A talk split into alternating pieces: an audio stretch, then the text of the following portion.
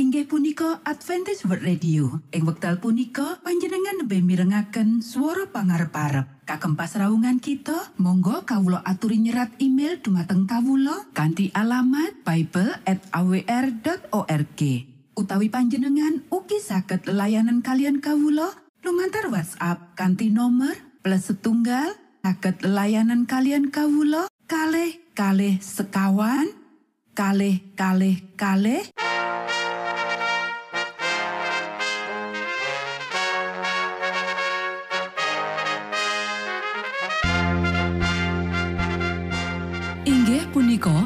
Adventist World Radio ingkang giaran kanti basa Jawi.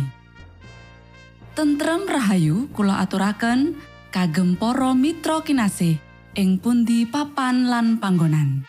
Sugeng pepanggian malih kalian Adventist World Radio.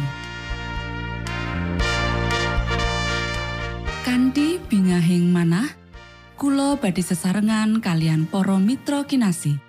Lumantar saperangan adicara ingkang sampun rinonci. Mligi kagem panjenengan sami. Mugi giaran punika saged migunani tuwin dados berkah kagem kita sedoyo. Sugeng midhangetaken Gusti amberkahi.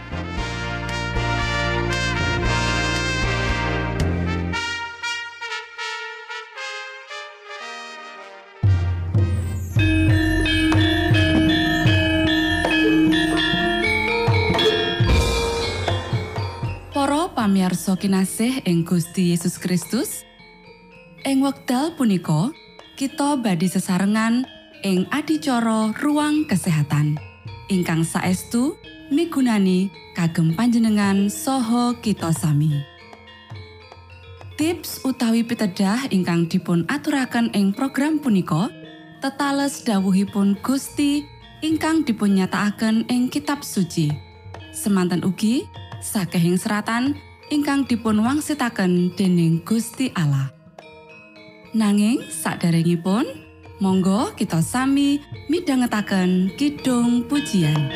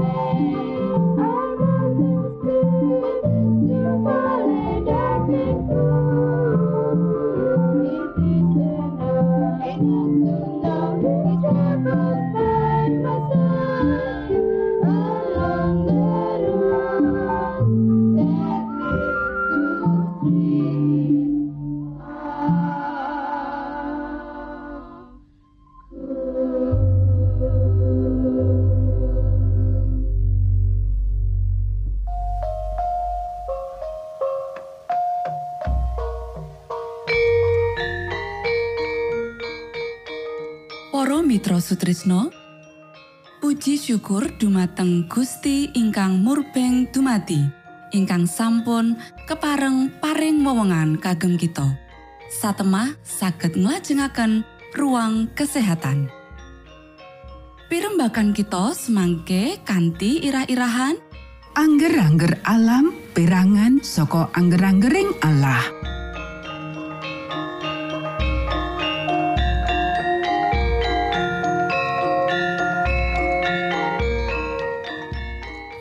Dumateng para pamirsa ingkang dahat kinurmatan.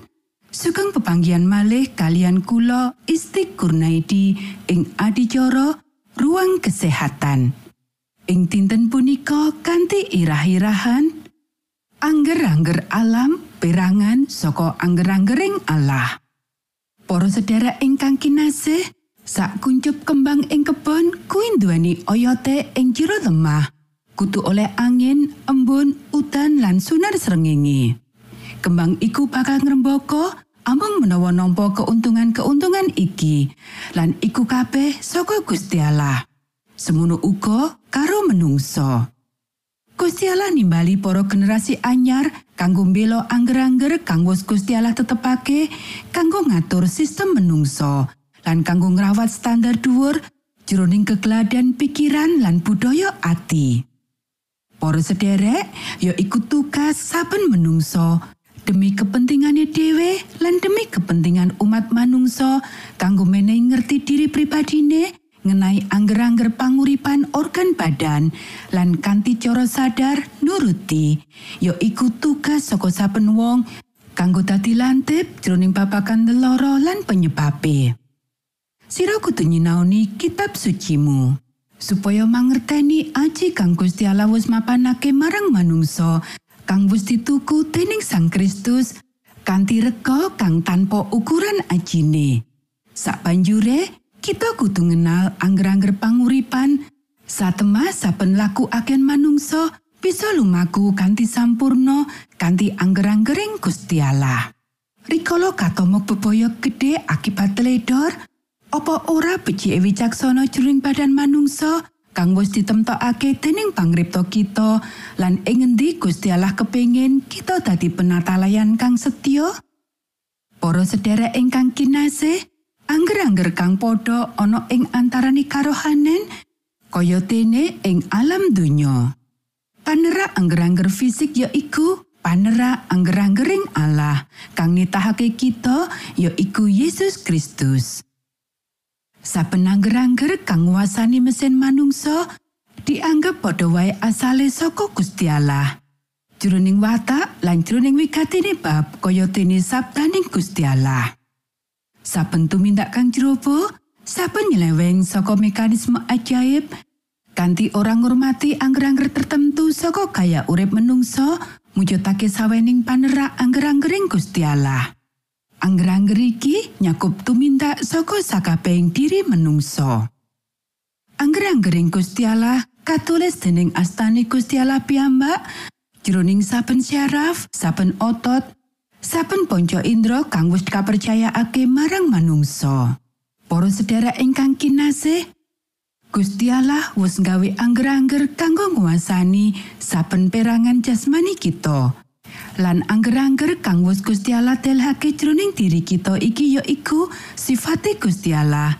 Lan saben panerak ana pitono pasti kang cepet utawa alon kudu diwujudake. Sesanggeman sepisan kang kudu kita tindakake kanggo Gusti Allah, kanggo diri kita pribadi lan marang sapodo-podo kita ya iku nuruti angger-anggering Allah kang kalebu angger-angger kesehatan. Angger-angger kang ngatur sifat fisik padha derajate karo 10 angger-angger lan kabeh iku duweni mula buka lan watak kang padha. Manungsa dititahake kanthi rame-rame lan ajaib. Karono Sang Yehuwa wis nulisake angger-angger iki kanthi astane ala pribadi kang luhur ing saben perangan badan manungsa. Para sedherek ingkang kinasih, padha dosane nerak angger-angger kesehatan lan nerak siji saka 10 angger-angger karena kita ora bisa nglakoni tanpa nerak angger-anggering Gusti Allah. Manungsa cerobo lan sembrono jroning adat waton lan tumindak nyangkut panguripan lan kesehatan fisik dosa marang Gusti Allah. Saweneng panerak angger-angger iki mujudake panerak marang angger-anggering Gusti Allah kang langgeng. Lan pitono wis mesti melu utawa ngedetake. Matur nuwun, Gusti yang berkahi.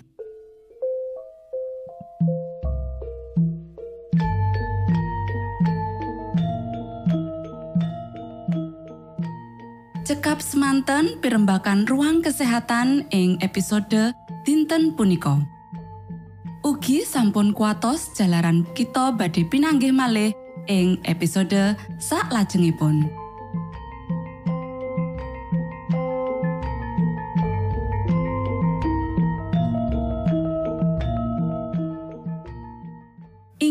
Punika adicara ruang kesehatan.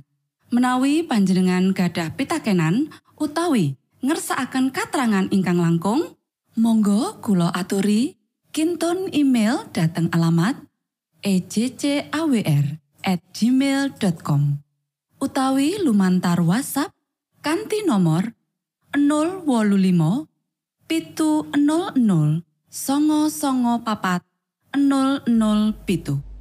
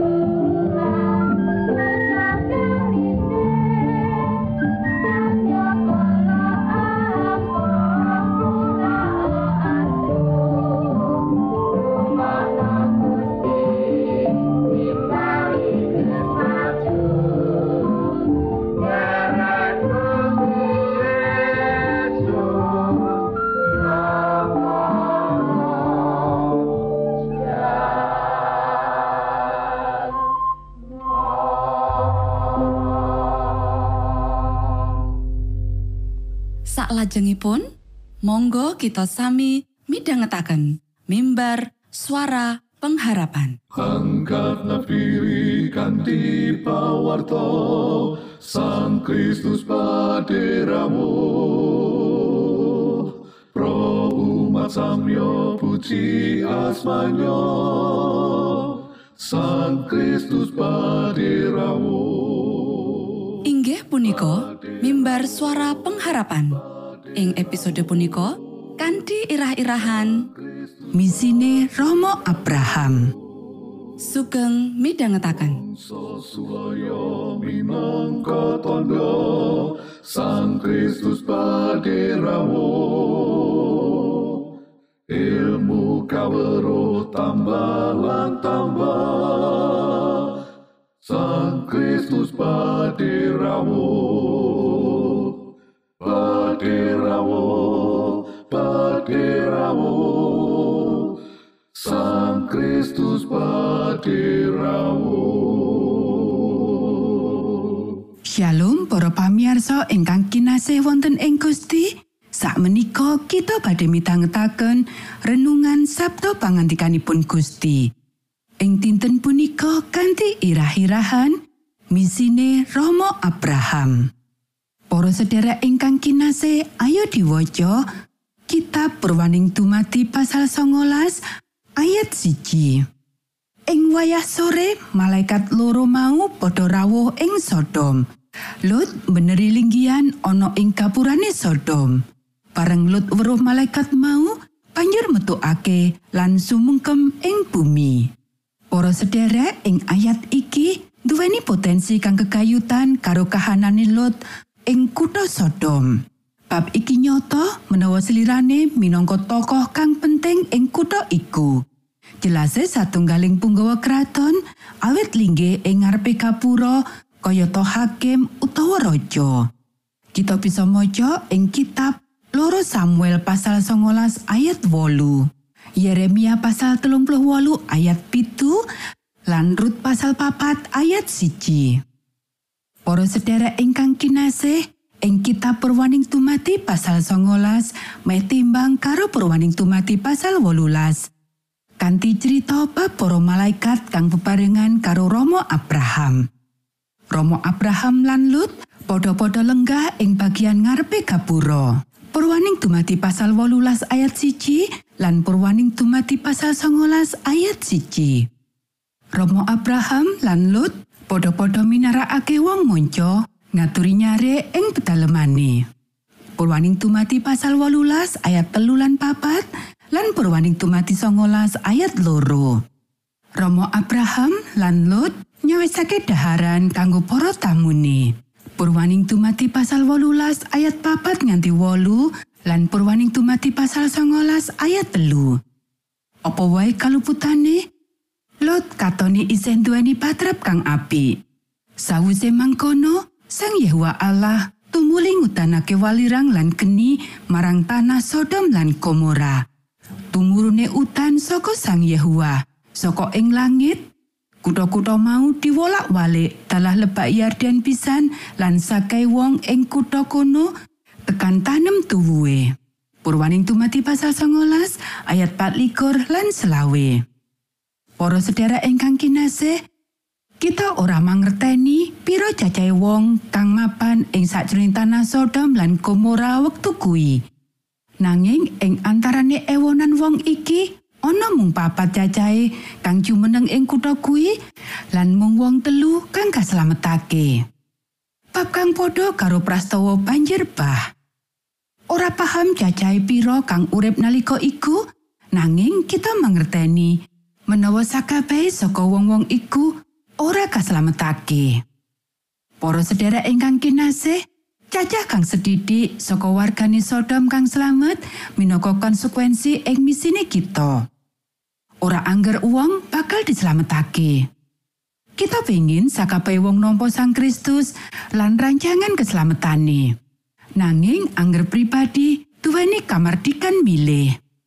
Tugas kita yaiku kanggo ngundang saakake wong kanggo milih Sang Kristus. Sawetara kita nglakoni misine, Gusti Allah mitulungi lumantar Sang Roh Kudus. Nanging panjenengane ora bakal nentang kekarepane saka sapa wae. Ing pungkasane, kekarepan bebas kuwi tegese yen ora peduli apa kang kita lakoni, ora peduli sepiro seringe anggen kita ndedonga, keselamatan teka saka dasare pilihane dhewe. Monggo kita sami ndedonga. Duh Rama kawula ingkang wonten ing swarga, asma patuko mugi kasucikaken. Kraton patuko mugi rawuh, karsa patuko mugi kalampahan wonten ing bumi kados dene wonten ing swarga. Kawula mugi kaparingan rejeki kawula sak cekapipun ing dinten punika. Saha patuko mugi ngapunten kalepatan kawula kados dene kawula inggih ngapunteni tetiang ingkang kalepatan dhateng kawula.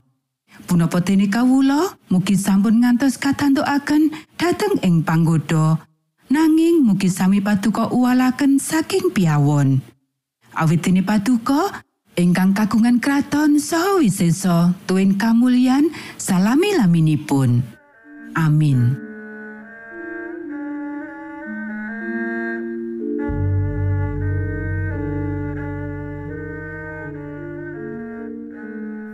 Mitra Sutrisno pamiarsa kinasih ing Gusti Yesus Kristus. Sampun paripurno pasamuan kita ing dinten punika.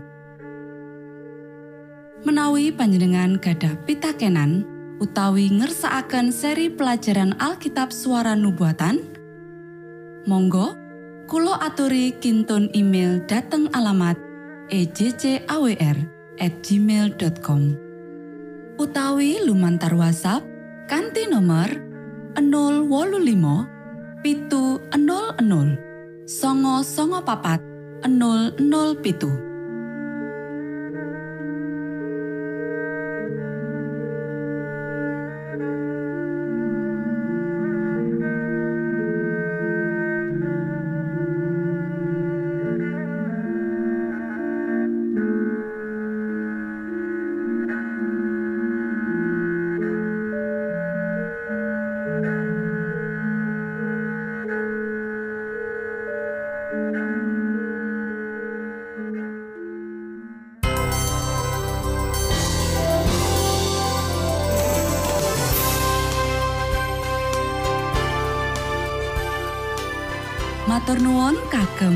kagem wektalipun kita badhe pinanggih malih ing gelombang ugi wekdal ingkang sami.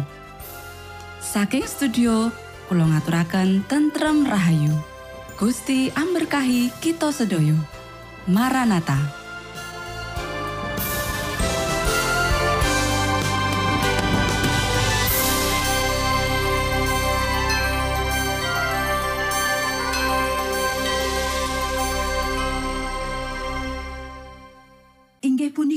Adventist World Radio. Ing wekdal punika panjenengan lebih mirengaken swara pangarep-arep. Kagem pasraungan kita, monggo kawula aturi nyerat email dumateng kawula kanthi alamat bible@awr.org. Utawi panjenengan ugi saged layanan kalian kawula lumantar WhatsApp kanthi nomor plus setunggal saged layanan kalian kawula kalih kalih sekawan kalih kalih kalih